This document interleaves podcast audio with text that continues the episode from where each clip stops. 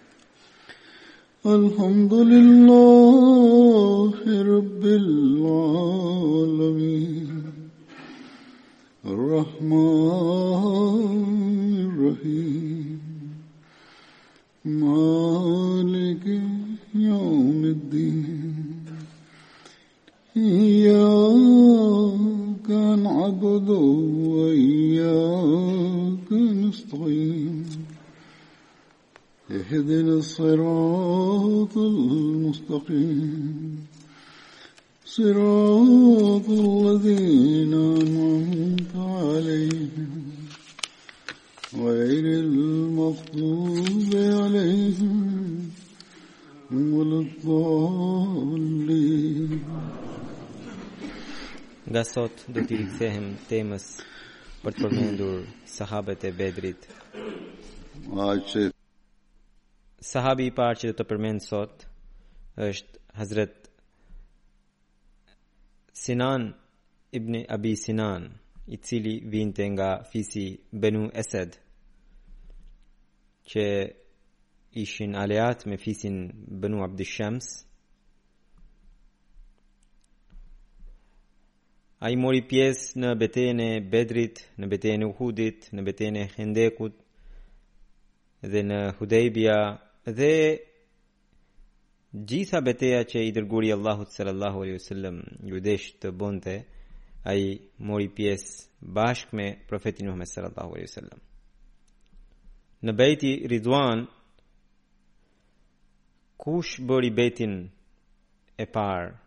Në lidhje me këtë ka thënie të ndryshme, sipas disave Hazrat Abdullah bin Umari ishte ai që bëri bejtin e parë, sipas disave ishte Hazrat Salma al-Aqwa dhe sipas disave të tjerë ishte pra sipas Vakidit ishte pikërisht Hazrat Sinan ibn Abi Sinan, ishte ai i cili bëri bejtin. I pari, dhe sipas disave ishte babai i Hazret Sinanit, e gëzoi këtë pozitë. Sidoqoftë, në histori përmendet që në gjatë bejtit Rizvan, kur i dërguari i Allahut sallallahu alaihi wasallam filloi t'u merrte bejt sahabëve, Hazrat Sinani radhiyallahu anhu zgjati dorën dhe tha merrni bejtin tim I dërguari i Allahut sallallahu alaihi wasallam e pyeti për çfarë bën bejt? Pra be Hazrat Sinani radhiyallahu anhu tha atë për atë që e keni ju në zemrën tuaj o i dërguari i Allahut. I dërguari i Allahut sallallahu alaihi wasallam tha çfarë kam unë në zemër? A e di? Ai natyrisht ishte edukuar me frymën e profetit Muhammed sallallahu alaihi wasallam dhe sahabët e tjerë dhe iu përgjigj për fitoren ose për rënien dëshmor.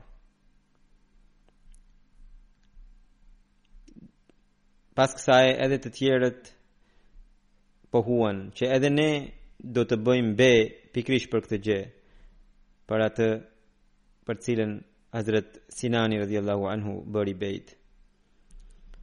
Hazret Sinani radiallahu anhu ishte një ndër sahabët kryesor muhaxhir. Kur Tulejha bin Khuwailid deklaroi të ishte profet, ishte pikërisht Hazret Sinani që e njoftoi profetin Muhammed sallallahu alaihi wasallam përmes një letre dhe në atë kohë ai ishte mbikëqyrës i fisit Banu Malik. Sahabi i dytë që do të përmend sot është Hazrat Mahja, i cili ishte skllavi i Hazrat Omerit radhiyallahu anhu, pra në fillimet e tij. Babai i tij ishte Salih. Ai mori pjesë në betejën e Bedrit dhe ishte i pari që ra dëshmor. Ai vinte nga Jemeni. Në fillimet e tij ai kishte ardhur si i burgosur tek Hazrat Omeri, atëherë Hazrat Omeri duke i bërë mirësi e liroi. Ai ishte I pari nga muhaxhirët, mori pjesë në Betejën e Bedrit dhe ai ka pozitën e lartë në historinë islame, siç ju thashë që ai ishte dëshmori i parë i ushtrisë islame. Po gjendej mes dy ushtrive, papritmas erdhi një shigjetë dhe e qëlloi dhe ai menjëherë ra dëshmor. Amir bin Hazrami është ishte ai që e martirizoi, Hazret Said bin Musayyab thotë që fjalët e fundit duke rënë dëshmor pra të Hazret Mahja thoshte këto fjalë ana muhja wa ila rabbi arja që unë jam Mahja dhe tek zoti im po kthehem Hazret Mahja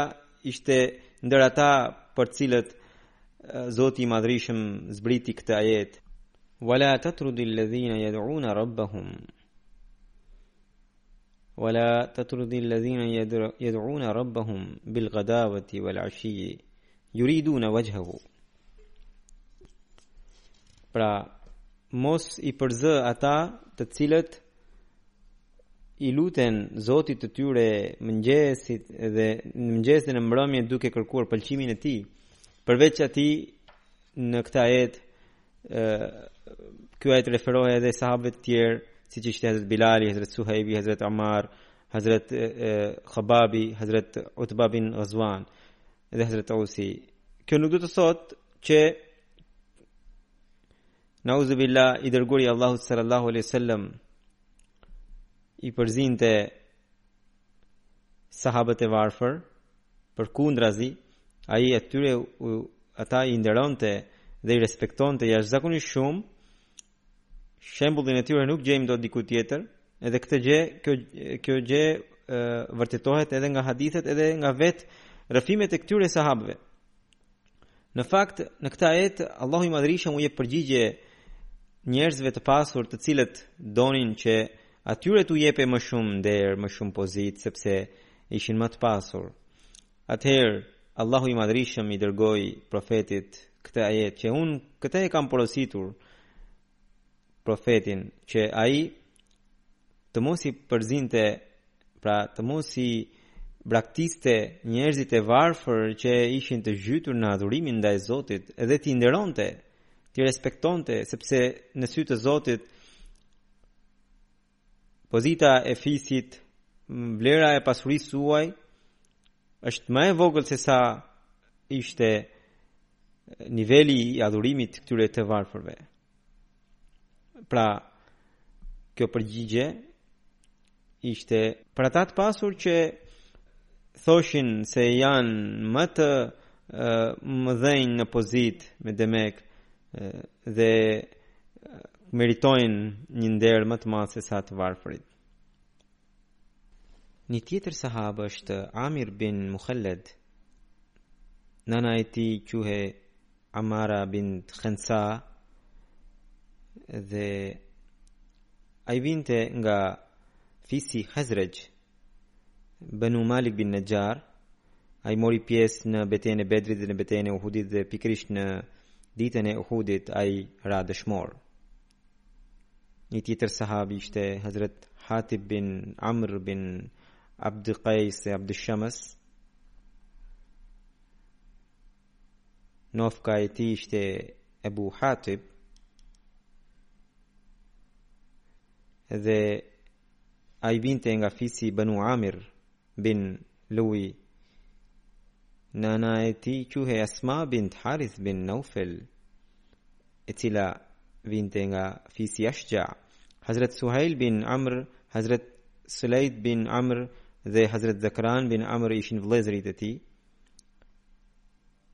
nga fëmijët e Hazret Hatibit ishte Amr bin Hatib dhe nëna e tij ishte Rejta bint Alqama, pra të djalit. Para se i dërguari i Allahut sallallahu alaihi wasallam vinte në Dari Arqam, Hatib pranoi Islamin me tabligun e Hazret Abu Bekrit. Ai bëri dy herë mërgim në Abisini dhe sipas një rrëfimi, i pari që mbërriti në Abisini në mërgimin e parë ishte pikërisht Hazrat Hatib bin Amr bin Abd Shams. Kur ai mërgoi nga Mekka në Medinë, qëndroi në shtëpinë e Hazrat Rifa bin Abdul Munzir, i cili ishte vëllai i Abu Lubaba bin Abdul Munzir.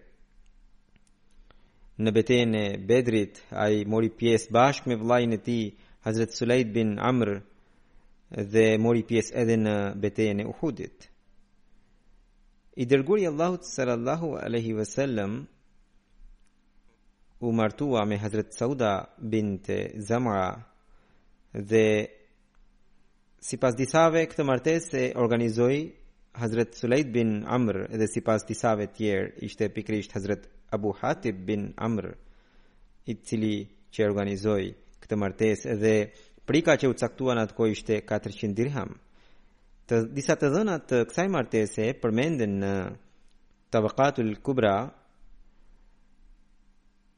Hazret Sauda asaj ju ndërroi jetë bashkëshorti i parë që ishte Hazret Sakran bin Amr, që ishte vëllai i sahabit në fjalë, pra Hazret Hatib bin Amrit, dhe në kohën kur ata po kthej u kthyen nga Abisinia në Mekë, kur Hazret Sauda përfundoi periudhën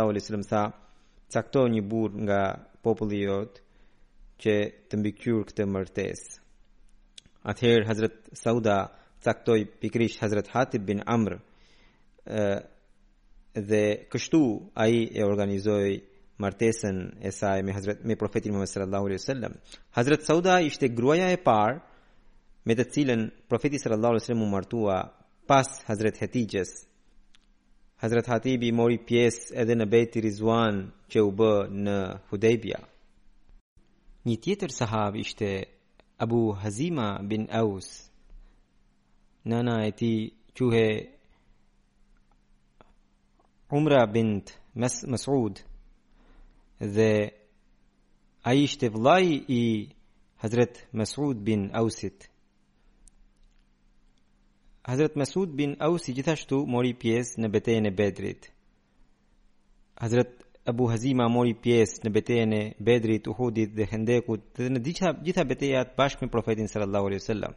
Ai ndërroi jetë në kohën e kalifatit të Hazrat Osmanit.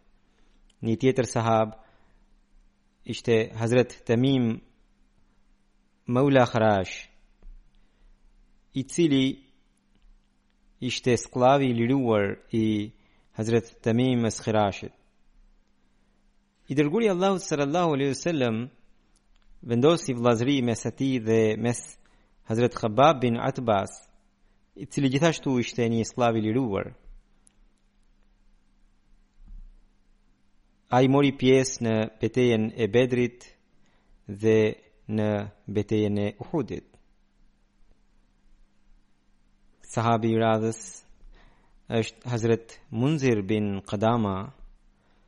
Hazret Munzir bin Qadama vinte nga fisi Banu Ghenam. Ai mori pjesë në betejën e Bedrit dhe në betejën e Uhudit. Dhe sipas Allama Vakdit, ai ishte caktuar mbikëqyrës për të burgosurit e Benu Qajnuka. Pastaj Hazret Harith bin Hatib ishte një sahab i betejës së Bedrit. Nofka e tij ishte Abu Abdullah. E ëma quhe Umama bint Samit, ai vinte nga fisi Aus i Ensarve, Hazret Thaleba bin Hatib, ishte vëllai i tij, Hazret Harith bin Hatib dhe Hazret Abu Lubaba bin Abdul Munzir, gjithashtu, po shkonin bashkë me profetin sallallahu alaihi wasallam për betejën e Bedrit dhe në vendin e quajtur Rauha i dërguari i Allahut sallallahu alaihi wasallam e caktoi Hazrat Abu Lubabën si kujdestar të Medinës, kurse Hazrat Harith bin Hatibin si emir i fisit Banu Amr bin Auf. Por të dy i përfshiu si ushtar të kësaj beteje dhe u dha pastaj edhe plaçkat e luftës. Hazrat Haris bin Hatib mori pjesë kështu në betejën e Bedrit, në Uhud, në Hendek dhe gjithashtu edhe në Bejtin Rizwan bashkë me Profetin sallallahu alaihi wasallam. Ai përfshihet si ushtar i betejës së Bedrit sepse kishte dalë nga shtëpia me nijetin që do të merrte pjesë dhe vetëm Profeti sallallahu alaihi wasallam e ktheu në Medinë me një detyrë të rëndësishme. Në luftën e Khejberit, një hebre që ishte në sipër kalasë, qëlloi me e qëlloi me shigjetë dhe që shpoi kokën e tij dhe ai ra dëshmor.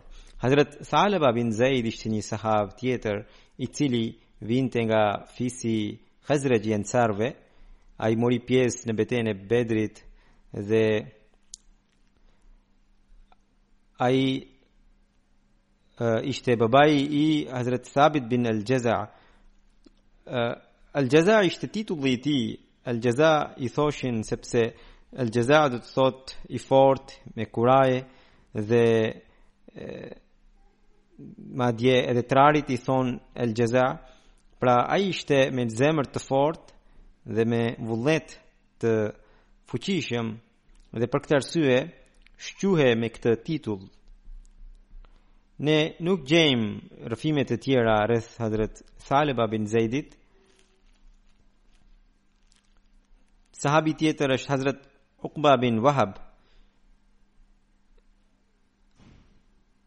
Atij i thonë edhe Ibni Abi Wahab. Ai vinte nga fisi Benu Abdushams, i cili ishte aleat me Abdi Menaf. Ai mori pjesë në Bedër, në betejën e Bedrit, në betejën e Uhudit, në betejën e Hendekut dhe në beteja të tjera bashkë me profetin sallallahu alaihi wasallam. Një herë në Medinë erdhi një delegacion i hebrenjve dhe i dërguari i Allahut sallallahu alaihi wasallam atyre u bëri tablig, pra u bëri dawa, të cilën ata e mohuan haptas dhe për këtë disa sahab i qortuan dhe ndër ata ishte pikërisht edhe Hazrat Uqba bin Wahab. Kjo ngjarje përmendet në histori që një herë erdhi një delegacion i hebrenjve i përbërë nga Numan bin Aza, Bari bin Amr, Shas bin Adi e tjerë Dhe i dërguari i Allahut sallallahu alaihi wasallam diskutoi me ta, u bëri thirrje drejt Islamit, drejt Allahut dhe i paralajmëroi për ndëshkimin prej tij. Dhe për këtë ata thanë o Muhammed, për çfarë na alarmon? Ne jemi bijtë e Allahut dhe jemi të dashurit e tij, ashtu siç të krishterët thonë. Dhe për këtë Allahu i Madhërishëm zbriti ajetin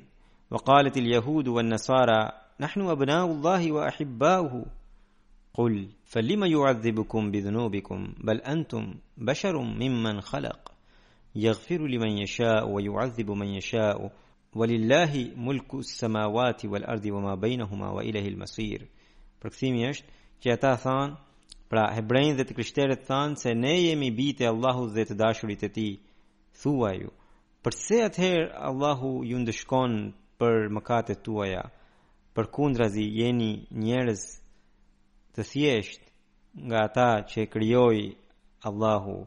Ai e fal kë të dojë dhe ndëshkon kë të dojë. Allahut i përket sundimi i qiejve dhe i tokës dhe gjithçka që gjendet mes tyre dhe tek ai është kthimi. Ishte ky pra ajeti i Kuranit famëlartë. Sipas Ibn Ishakut, kur i dërguari i Allahut sallallahu alaihi wasallam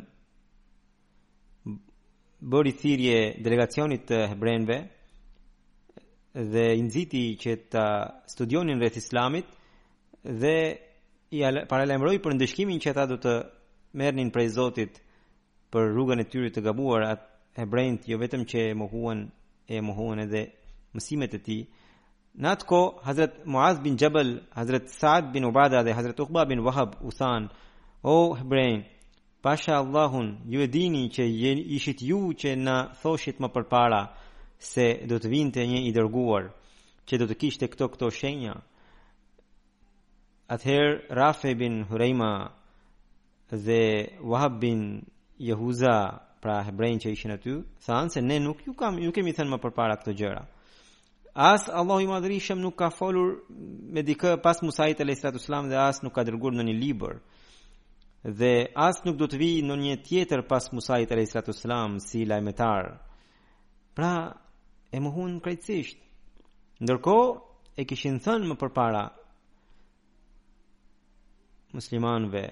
E njëjta është situata e muslimanëve të sotëm, të cilët më përpara e kërkonin me ngulm që të vinte Mesihu i premtuar sepse ishin përmbushur shenjat dhe tani që ai ka ardhur thonë se jo nuk do vi më njeri.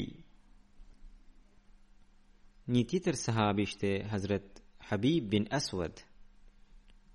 Hazret Habib bin Aswad bin Saad Ishte skllav i liruar i fisit të Ansarëve Banu Haram. Ai mori pjesë në betejën e Bedrit dhe në betejën e Uhudit. Ai nuk pati ndonjë fëmijë, ai njihet edhe me emrin Khubayb. Tjetër sahab ishte Hazrat Usayma Ansari. Ai vinte nga fisi Banu Ashja, i cili ishte aleat me Banu Ghanem. Ai mori pjesë duke përfshirë edhe betejën e Bedrit dhe betejën e Uhudit në të gjitha betejat bashkë me profetin sallallahu alaihi wasallam. Ai ndërroi jetë në periudhën e Hazrat Muawija bin Abi Sufjanit. Sahabi i radhës është Hazrat Rafi bin Harith. Emri i tij i plotë ishte Rafi' bin Harith bin Sawad. Ai vinte nga fisi i Ensarëve, Banu Najjar. Ai mori pjesë në të gjitha betejat me Profetin sallallahu alaihi wasallam, duke përfshirë betejën e Bedrit dhe betejën e Uhudit dhe betejën e Hendekut. Ai ndërroi jetë në kalifat gjatë kalifatit të Hazrat Osmanit radhiyallahu anhu. Hazrat Rafi bin Harith ishte kishte një djalë që quhej Harith.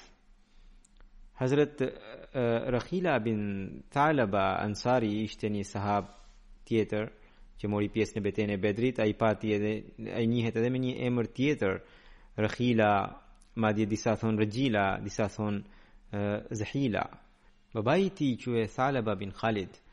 Ai mori pjesë në betejën e Bedrit dhe në betejën e Uhudit.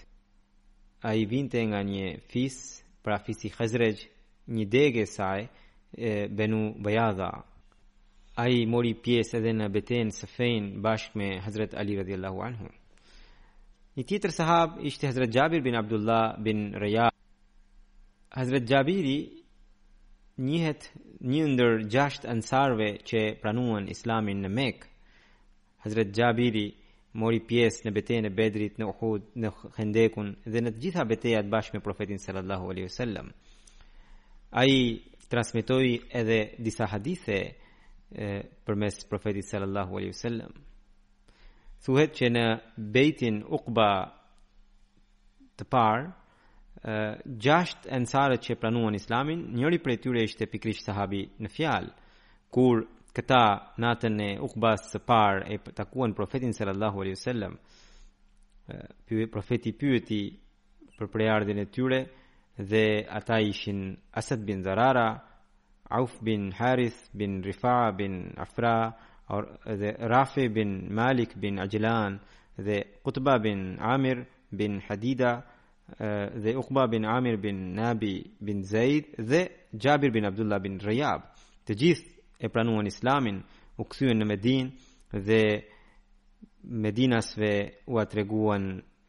rreth profetit Muhammed sallallahu alaihi wasallam dhe bënë dava në mesin e tyre.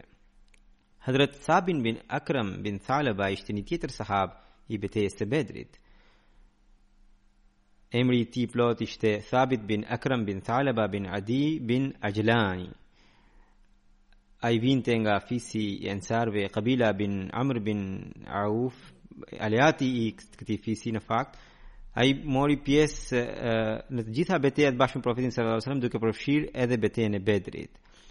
Kur i dërguari i Allahut sallallahu alajhi wasallam mbërriti në Medinë dhe atëherë Asim bin Adit i dha pjesën e xhamisë që të ndërtonte një shtëpi atje.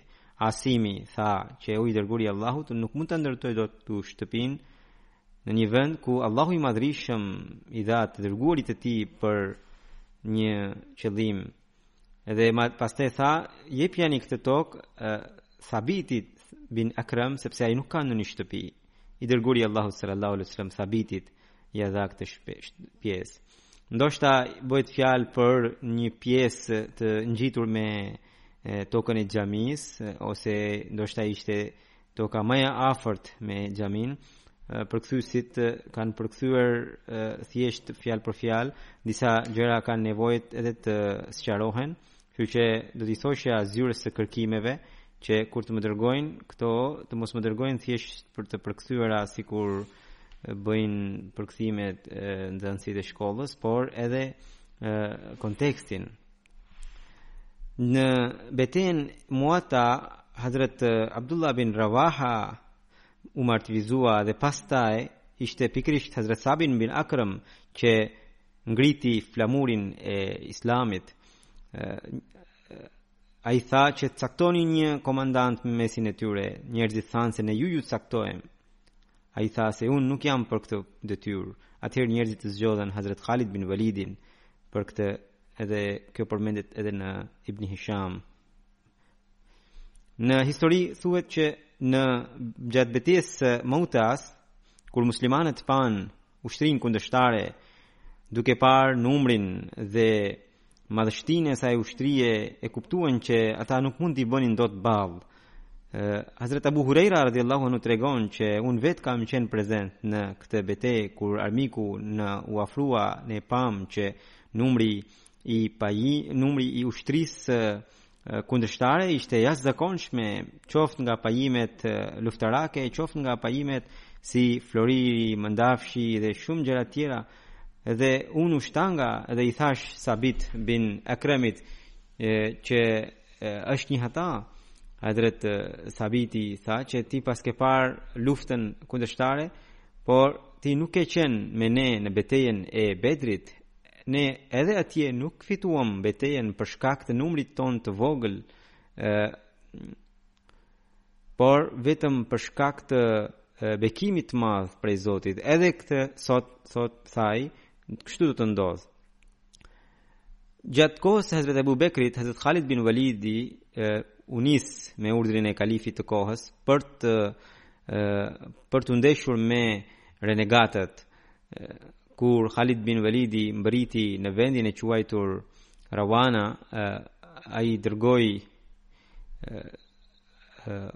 Ukasha bin Muhsin dhe Thabit bin Akram për të marrë informacione. Dhe ata kalorës kuajt e tyre që ishin El Zeram dhe El Mahber, sido qoftë, këta të dy kur dolën përpara, u ndeshën me dy informues të tjerë të palës kundërshtare që ishin Tulejha dhe vëllai i tij. Të dy palët u ndeshën dhe muslimanët u martirizuan, pra edhe Ukasha edhe sahabi në fjalë u martirizua u martirizuan një tjetër rrëfim i kësaj ngjarje është nga Abu Waqid Leiswi i cili thotë që ne ishim 200 ushtarë që ecnim nën komandën e Zeid bin Khatabit dhe mbrapa vinte ushtria e kryekomandantit Khalid bin Walidit. Para nesh ishin Ukasha dhe Thabiti, të cilët merrnin informacione dhe na tregonin. Kur kemi mbritur te ta ne i gjetëm të vrarë, na erdhi shumë keq dhe pritëm derisa të vinte Khalid bin Walidi. Ai pa dhe na porositi që t'i varrosnim po me ato rrobat e tyre të gjakosura. Gjithashtu thuhet që më vonë Tulejha e pranoi Islamin në kohën e Hazrat Omerit radhiyallahu anhu. Hazrat Omeri kalifi i kohës i tha që unë nuk mund të të dua ty sepse ti ishe shkak i martirizimit të Ukashës dhe Sabitit. pra ky që i vrau dy muslimanë Tulejha e pranoi islamin dhe gjatë kohës së Hazrat Umerit Hazrat Umeri i tha pikërisht këtë fjalë atëherë Tulejha tha o emiri i besimtarëve Allahu i madhërishëm atyre u dha nderin e dëshmorëve me duart e mia Hazrat Thabit nuk pati ndonjë fëmijë Muhammed bin Umeri thotë që Thabit u martirizua nga Tulejha në vitin 12 pas hijretit në vendin e quajtur Bedaha. Sahabi i radhës i betejës së Bedrit ishte Hazret Selma bin Salama, i cili ishte ensari dhe vinte nga fisi Banu Asher i fisit Eus. Kur i dërguri Allahut sallallahu alaihi wasallam do të mbërrinte në Medinë. Ai ishte ndër të parët që e pranoi Profetin sallallahu alaihi wasallam. Ai mori pjesë edhe në Bejtin Uqba, Bejtin e parë edhe në Bejtin e dytë të Uqbas. Gjithashtu, duke përfshirë betejën e Bedrit, ai mori pjesë në të gjitha betejat bashkë me Profetin sallallahu alaihi wasallam. Hazrat Omer radiallahu anhu në kohën e kalifatit të tij, atë e caktoi guvernator të Jemamas. Sipas Umer bin Qatadas, I dërguari i Allahut sallallahu alaihi wasallam vendosi vëllazëri mes Salma bin Salamas dhe mes Abu Sabra bin Abi Raham. Si, ndërsa sipas Ibn Ishakut, kjo vëllazëri ka qenë mes Salma bin Salamas dhe Hazrat Zubair bin Al-Awamit. Ka një ngjarje të fëmijërisë së tij, të cilën ai vetë rrëfeu, thotë që kur kam qenë i vogël, Disa njerëz të fisit tim ishin ulur dhe ndërkohë kaloi pranë nesh një dijetar hebre, i cili na tregoi rreth kijametit, rreth llogaridhënies, rreth xhenetit dhe xhehenemit dhe na tha që ju që jeni idhujtar do të hidheni në xhehenem dhe ne nuk e pranonim ai na thoshte që do të ringjallemi dhe ne thoshim se si mund të ringjallemi pas vdekjes Pra, këta idhujtarë nuk kishin koncept të ringjalljes, pra të botës tjetër.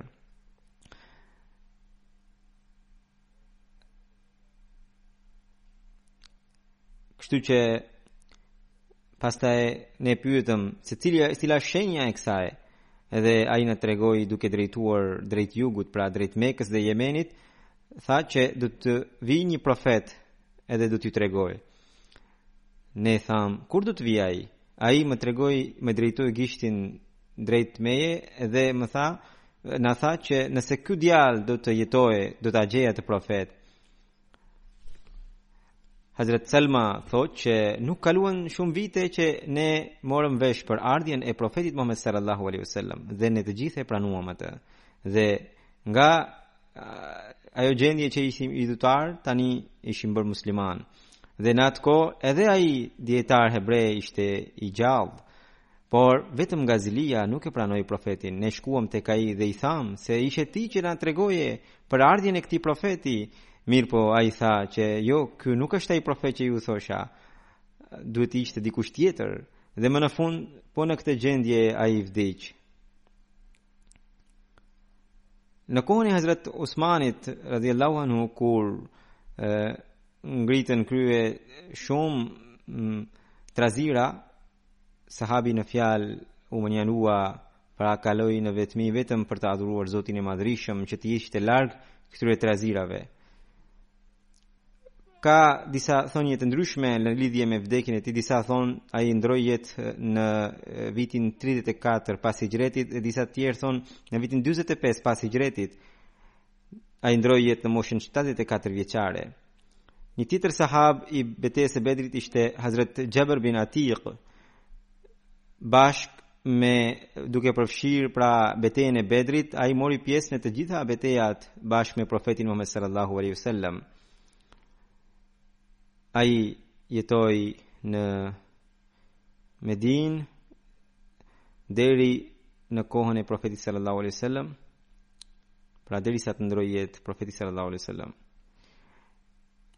Nofka e Xhabir bin Atikit ishte Abdullah, ai kishte dy djem, Atik dhe Abdullah dhe një vajzë, Umi Thabit.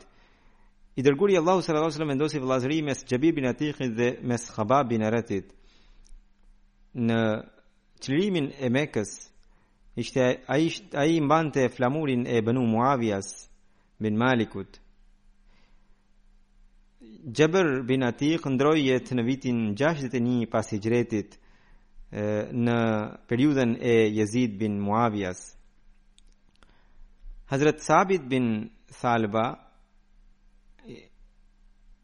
një ishte një sahab tjetër i betejës së Bedrit, që gjithashtu quhej Sabit bin Jezer,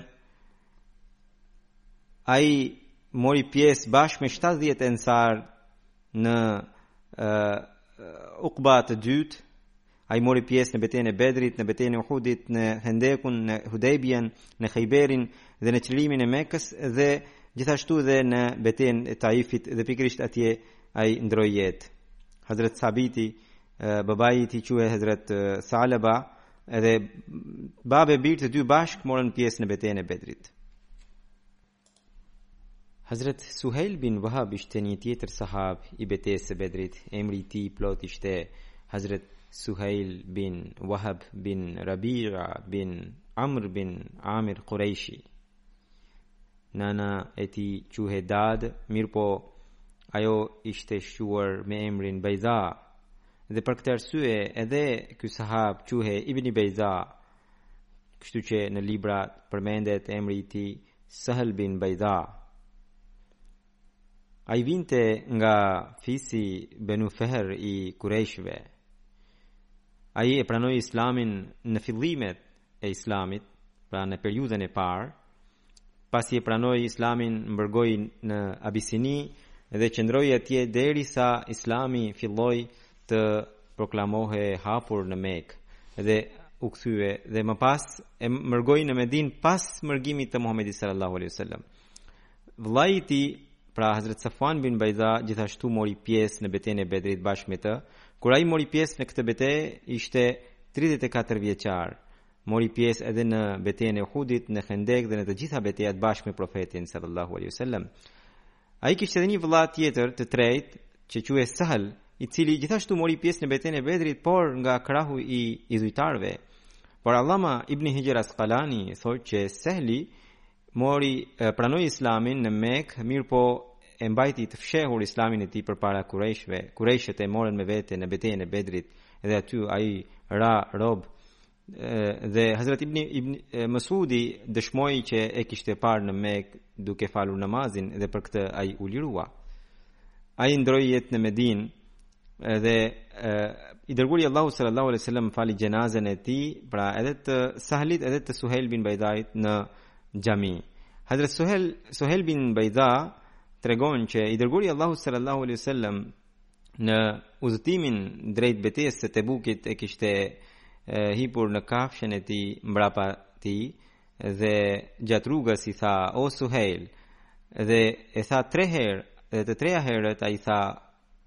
Ja ku jam, o i dërguari i Allahut. Dhe njerëzit e tjerë dëgjuan edhe ata iu afruan, edhe ata që ishin afër edhe ata që ishin larg, pra ishte një metodë mënyrë që t'i mblidhte edhe njerëzit e tjerë. Dhe pas asaj profeti sallallahu alaihi wasallam tha që Kushdo që thotë që dëshmon se Allahu është i vetëm dhe nuk ka zot tjetër përveç atij, zjarri i xhehenemit nuk do ta prekë atë. Dhe tha, Allahu do ta bëjë zjarrin e xhehenemit të ndaluar që ta prekë atë. Tani kjo ngjarje përmendet në librat e historisë, edhe këtë e lexojnë muslimanët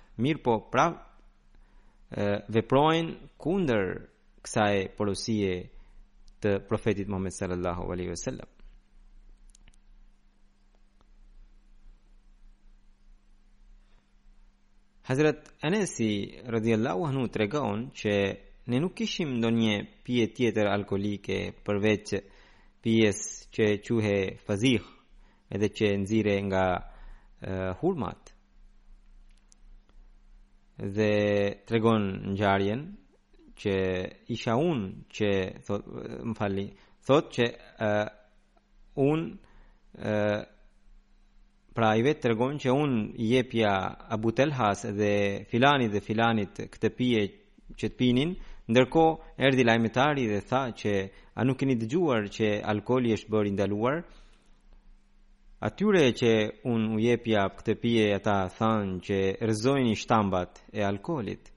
Atëherë ne i rrëzuam menjëherë sapo e dëgjuam lajm lajmëtarin. Dhe njerëzit këta pra që po pinin nga duart e mia këtë pije, kurrë nuk më kërkuan më atë pije dhe as nuk kanë zënë në gojë këtë pije alkoolike.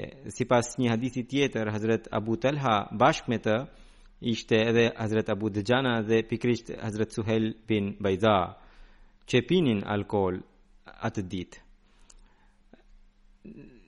Duke u kthyer nga Beteja e Tebukut, pra në vitin nëntë pas Hixhretit, ai ndërroi jetë dhe i dërguari i Allahut sallallahu alajhi wasallam fali xhenazen e tij në xhami. Hazrat Abad bin Abdullah bin Zubair tregon që Hazrat kur ndërroi jetë Hazrat Saad bin Abi Waqasi, Hazrat Aisha radhiyallahu anha tha që kalojeni xhenazen e tij në xhami që edhe unë t'i bashkohem në namazin e xhenazës. Atëherë njerëzit u çuditën, u habitën se si ta sjellin xhenazën në xhami. Atëherë Hazrat Aisha tha se sa shpejt njerëzit harrojnë, i dërguari i Allahut sallallahu alaihi wasallam fali xhenazën e Suhail bin Baidaut në xhami. Pra ata mendonin që xhenazën duhet ta falin jashtë xhamisë në ndonjë fushë të hapur, por Hazrat Aisha radhiyallahu anha ua rregulloi gabimin. Hazret Tufail bin Harith ishte një sahab tjetër i betejës së Bedrit, vëllai i tij Hazret Ubeda dhe Hazret Hasib gjithashtu morën pjesë në betejën e Bedrit, në betejën e Hendekut dhe në të gjitha betejat tjera bashkë me Profetin sallallahu alaihi wasallam. I dërguari i Allahut sallallahu alaihi wasallam vendosi vëllazërinë mes Tufail bin Harithit dhe mes Munzir bin Muhammedit dhe sipas disa rrëfimeve të tjera mes atij dhe mes Hazret Sufyan bin Nasrit. Ai ndërroi jetë në moshën shtatëdhjetë vjeçare në vitin tridhjetë e dy pas Hixhretit. Një sahabi tjetër i betejës së Bedrit ishte Hazrat Abu Saleid Usaira bin Amr. Usaira bin Amr ishte emri dhe titulli i tij ishte Abu Salid. Pra ai njihej me emrin Abu Salid. Babai i tij ishte Amr, edhe ai ishte i shquar me titullin Abu Kharja.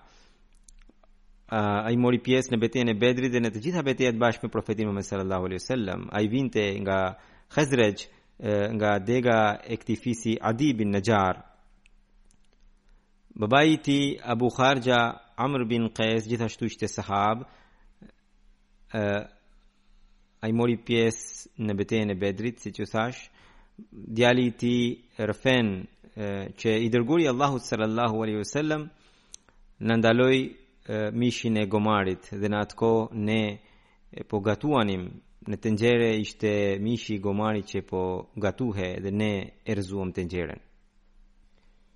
Sahabi i radhës i betejës së Bedrit që do të përmend sot është Hazrat Salaba bin Hatib Ansari, i cili vinte nga Banu Amr bin Auf, Ai mori pjesë në betejën e Bedrit dhe në betejën e Uhudit.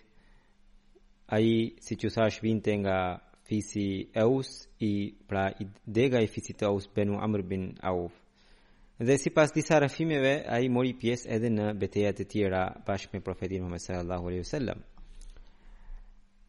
Ka një rrëfim nga Hazret Amama Bahli që Thaleba bin Hatib Ansari erdhi tek i dërguari i Allahut sallallahu alaihi wasallam dhe i kërkoi që o i dërguari i Allahut lutuni që Zoti të më japë pasuri. I dërguari i Allahut shprehu keqardhje dhe tha që sa pak ka që sa pak njerëz ka që falënderojnë dhe arrijnë ta menaxhojnë pasurinë e tyre, dhe nuk bëri dua për të, nuk bëri lutje për të. Ai erdhi përsëri dhe tha, o, i dërguari i Allahut lutuni që Zoti të më japë pasuri. I dërguari i Allahut sallallahu alaihi wasallam tha, nuk të mjafton modeli im për ty që ti kërkon pasuri? Dhe tha, pasha atë Zot në dorën e të cilit është jeta ime, nëse unë i them malit që ai të bëhet për mua prej ari ose argjendi, Ai kështu do bëhet, por unë nuk e bëj këtë dua, këtë lutje, sepse nuk është mirë që të kesh dashuri ndaj pasurisë. Ai erdhi për herë të tretë dhe tha: "O i dërguari i Allahut, lutuni për mua që Zoti të më japë pasuri." Atëherë i dërguari i Allahut sallallahu alaihi wasallam u lut, "O Allah, jepi Thalabaut pasuri." Rrëfimtari thotë që Thalabau në atë kohë kishte shumë pak dhi, kaq shumë bereqet ra prej Zotit në bagëtinë e tij, saqë ato u shumuan, sikur shumohen insektet, njëherë Pra, pas kësaj ndodhi që për shkak të menaxhimit të bagëtisë së shumtë ai nuk vinte më për namazin e drekës dhe të ikindisë. Kur u shtuan akoma më shumë bagëtitë, nuk vinte më as për namazin e xhumasë. I dërguari i Allahut sallallahu alaihi wasallam pyeste për njerëz të ndryshëm dhe një ditë e pyeti edhe për Thalabaun, se ku është? Njerëzit thanë se o i dërguri i Allahut, ai ka kaq shumë bagti sa që nuk ka më kohë që të vi për kohën për namazin e xumas. Sido qoftë, i dërguari i Allahut sallallahu alaihi wasallam shprehu keqardhje për të. Dhe shprehu 3 herë keqardhje për të. Dhe kur zbriti ajeti për zakatin, që besimtarët të japin zakat, atëherë i dërguari i Allahut sallallahu alaihi wasallam caktoi dy burra dhe nisi I nisi që të kërkonin zekat besimtarëve. Ata shkuan te Thalabau. E Thalabau ë tha pra nuk e dha zekat dhe tha që ju kaloni së pari tek njerëzit e tjerë dhe pastaj në fund kthehuni tek unë dhe do të flasim. Ata njerëz thonë që ne kaluam edhe te tjerë. Ishin disa njëri prej tyre thotë ishte njëri prej tyre që na dha deven më të mirë që kishte. Ne i thamë, nuk të kërkojmë deven më të mirë për zakat.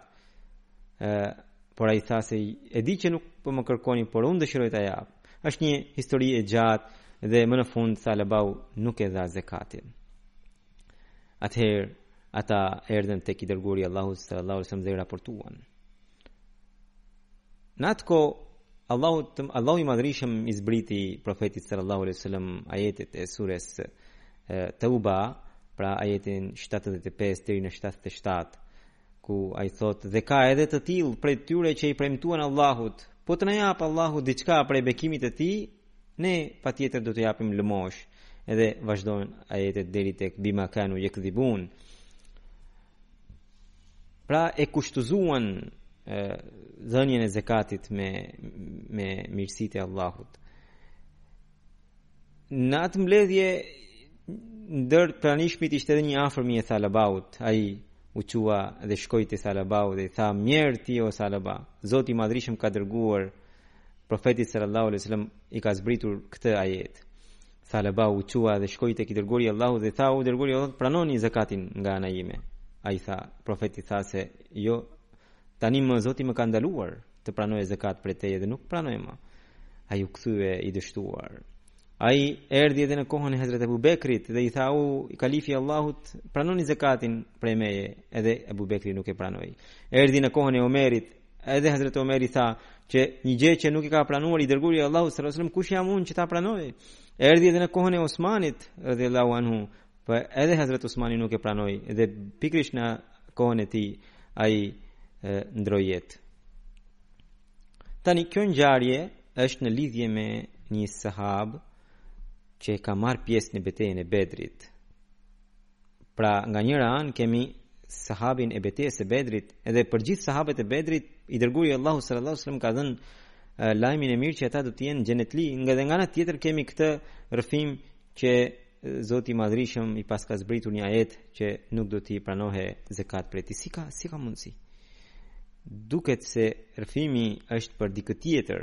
Kështu që unë kur e kam studiuar këtë, kur e kam lexuar edhe mua më erdhi në mendje dhe lexova edhe sqarimin e Allama Ibn Hajar Asqalanit. Ai e trajtoi këtë ngjarje në një libër të tij dhe tha që kjo ngjarje nëse është e vërtetë dhe duket se është e vërtetë atëherë kemi të bëjmë me një me një ngatërresë emrash sepse ka një një person tjetër po Ensari i cili ishte Uh, Sal, Thalaba, pra ishte Thalaba bin Abi Hatib, kurse ky është Thalaba bin Hatib, edhe sepse Allama Hajar Asqalani thotë se ne nuk mund të dyshojmë tek sahabët e betejës së Bedrit sepse i dërguari i Allahut sallallahu alajhi wasallam ka dhënë lajmin e mirë për ta. Dhe ai gjithashtu shtoi duke i referuar Ibn Kalbi që i cili thotë që ky sahabi tjetër pra Ansari që quhet Salaba bin Abi Hatib e, e, ishte ai me të cilin kishte ndodhur kjo ngjarje dhe ai në librin e tij rrëfen gjithë këtë ngjarje që sapo ju lexova që i dërguari i Allahut sallallahu alaihi wasallam domethën tha këto këto fjalë për të Dhe duke treguar këtë ngjarje, tregon që i dërguari i Allahut sallallahu alaihi wasallam ka thënë për sahabët e Bedrit dhe sahabët e Hudejbjas që ata nuk do të futen në xhehenem. Nuk do t'i prekë zjarri i xhehenemit. Madje kemi edhe një hadith kudsi ku Allahu i madhrishëm i tha profetit sallallahu alaihi wasallam që sahabët e Bedrit le të bëjnë çfarë të duan tani sepse ata janë të falur. Ë kështu që pozita e tyre është aq e lartë sa që Allahu i madhrishëm nuk mundet që më vonë t'ua shpërblejë me hipokrizinë në zemrat e tyre. Ë sepse ai që ka hipokrizi në zemër nuk mund ta gëzojë xhenetin. Dhe kështu që gjithçka që zbriti, zbriti jo për sahabin e betejës së Bedrit, por për dikë tjetër. Dhe kështu që ë Hazrat Thalaba nuk ishte pra bet, sahabi i betejës së Bedrit nuk ishte ai me të cilin ndodhi kjo ngjarje, ishte tjetër. Saha Hazrat Thalaba i betejës së Bedrit ndroi jetën në, në betejën e Uhudit dhe ai që u përmend në këtë ngjarje ishte Thalaba bin Abi Hatib. Pra sahabi i betejës së Bedrit ishte Thalaba bin Hatib, ndërsa personi i kësaj ngjarje ishte Thalaba bin Abi Hatib. Dhe këta janë dy persona të ndryshëm. Pra ky është një keqkuptim që erdhi për shkak të ngjashmërisë së emrave të dyve. Ai mund të ketë pra ky i fundit mund ta ketë bërë një gjë të tillë. Sidoqoftë, Allahu e shpërbleftë Allama Ibn Hajar Asqalanin, i cili e sqaroi mjaft mirë këtë çështje dhe dhe largoi dyshimin që mund t'i mveshej një sahabi të betejës së Bedrit. Një sahabi tjetër i betejës së Bedrit ishte Hazrat Sa'd bin Usman bin Khulda Ansari. Sipas disave, emri i tij ishte Sa'id bin Usman. ai mori pjesë në betejën e Bedrit, siç ju thashë, ishte ndër ata që iu lëkundën këmbët në betejën e Uhudit dhe më pas Allahu i Madhërishëm zbriti falje, pra ajet për faljen për të gjithë ata. Ai ishte vëllai i Uqbas, një herë i dërguari i Allahut sallallahu alaihi wasallam në vendin e quajtur Hurra, mbriti tek pusi i Har, i cili i përkiste pikërisht këtij sahabi, Edhe ai e kishte lënë djalin e tij, Ubada, atje. Edhe Ubada nuk e nuk e njohu profetin Muhammed sallallahu alaihi wasallam kur u kthye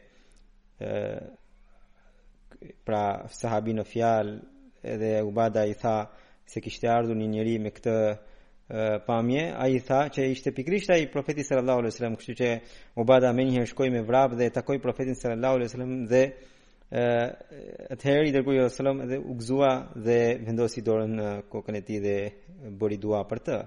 Hazrat Saad bin Usmani ndroi jetë në moshën 80 vjeçare.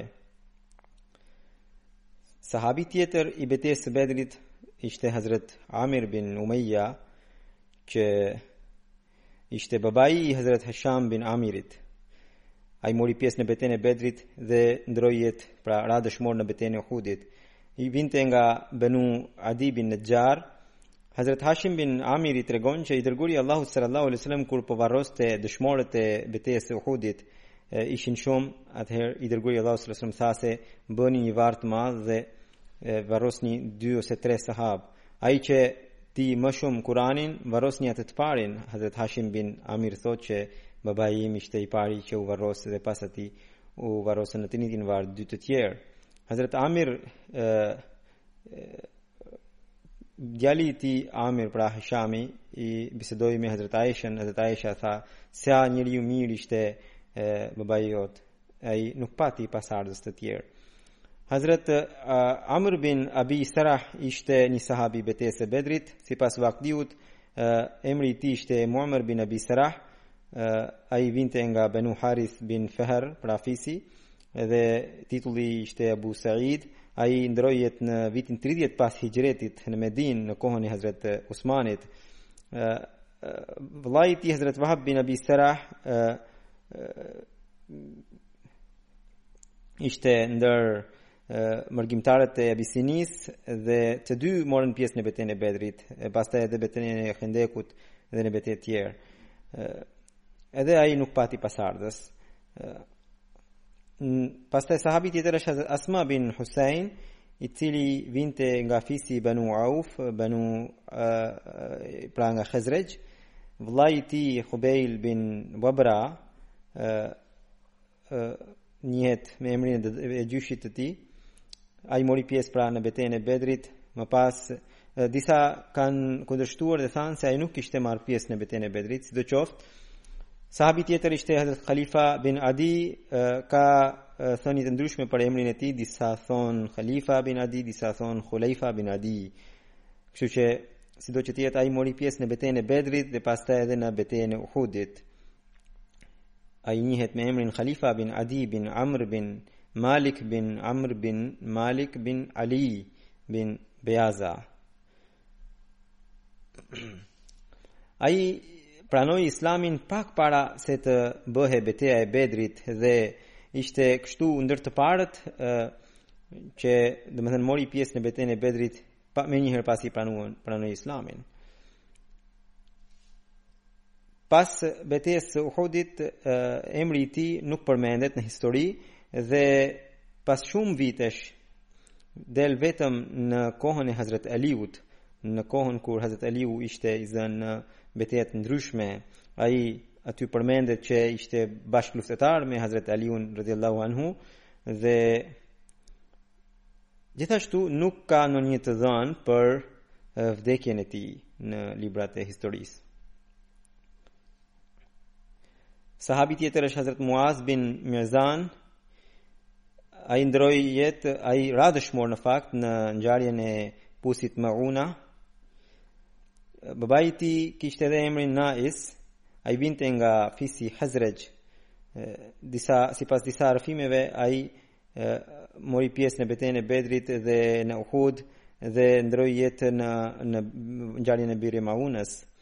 Dhe sipas disa rrëfimeve ai nuk jetoi kaq gjatë, por ndërroi jetë pas betejës së Bedrit nga plagët. Bashkë me të mori pjesë në betejën e Bedrit edhe i vëllai. Pas ngjarjes së Hudejbias kur uh, Aina bin Hasan uh, sulmoi uh,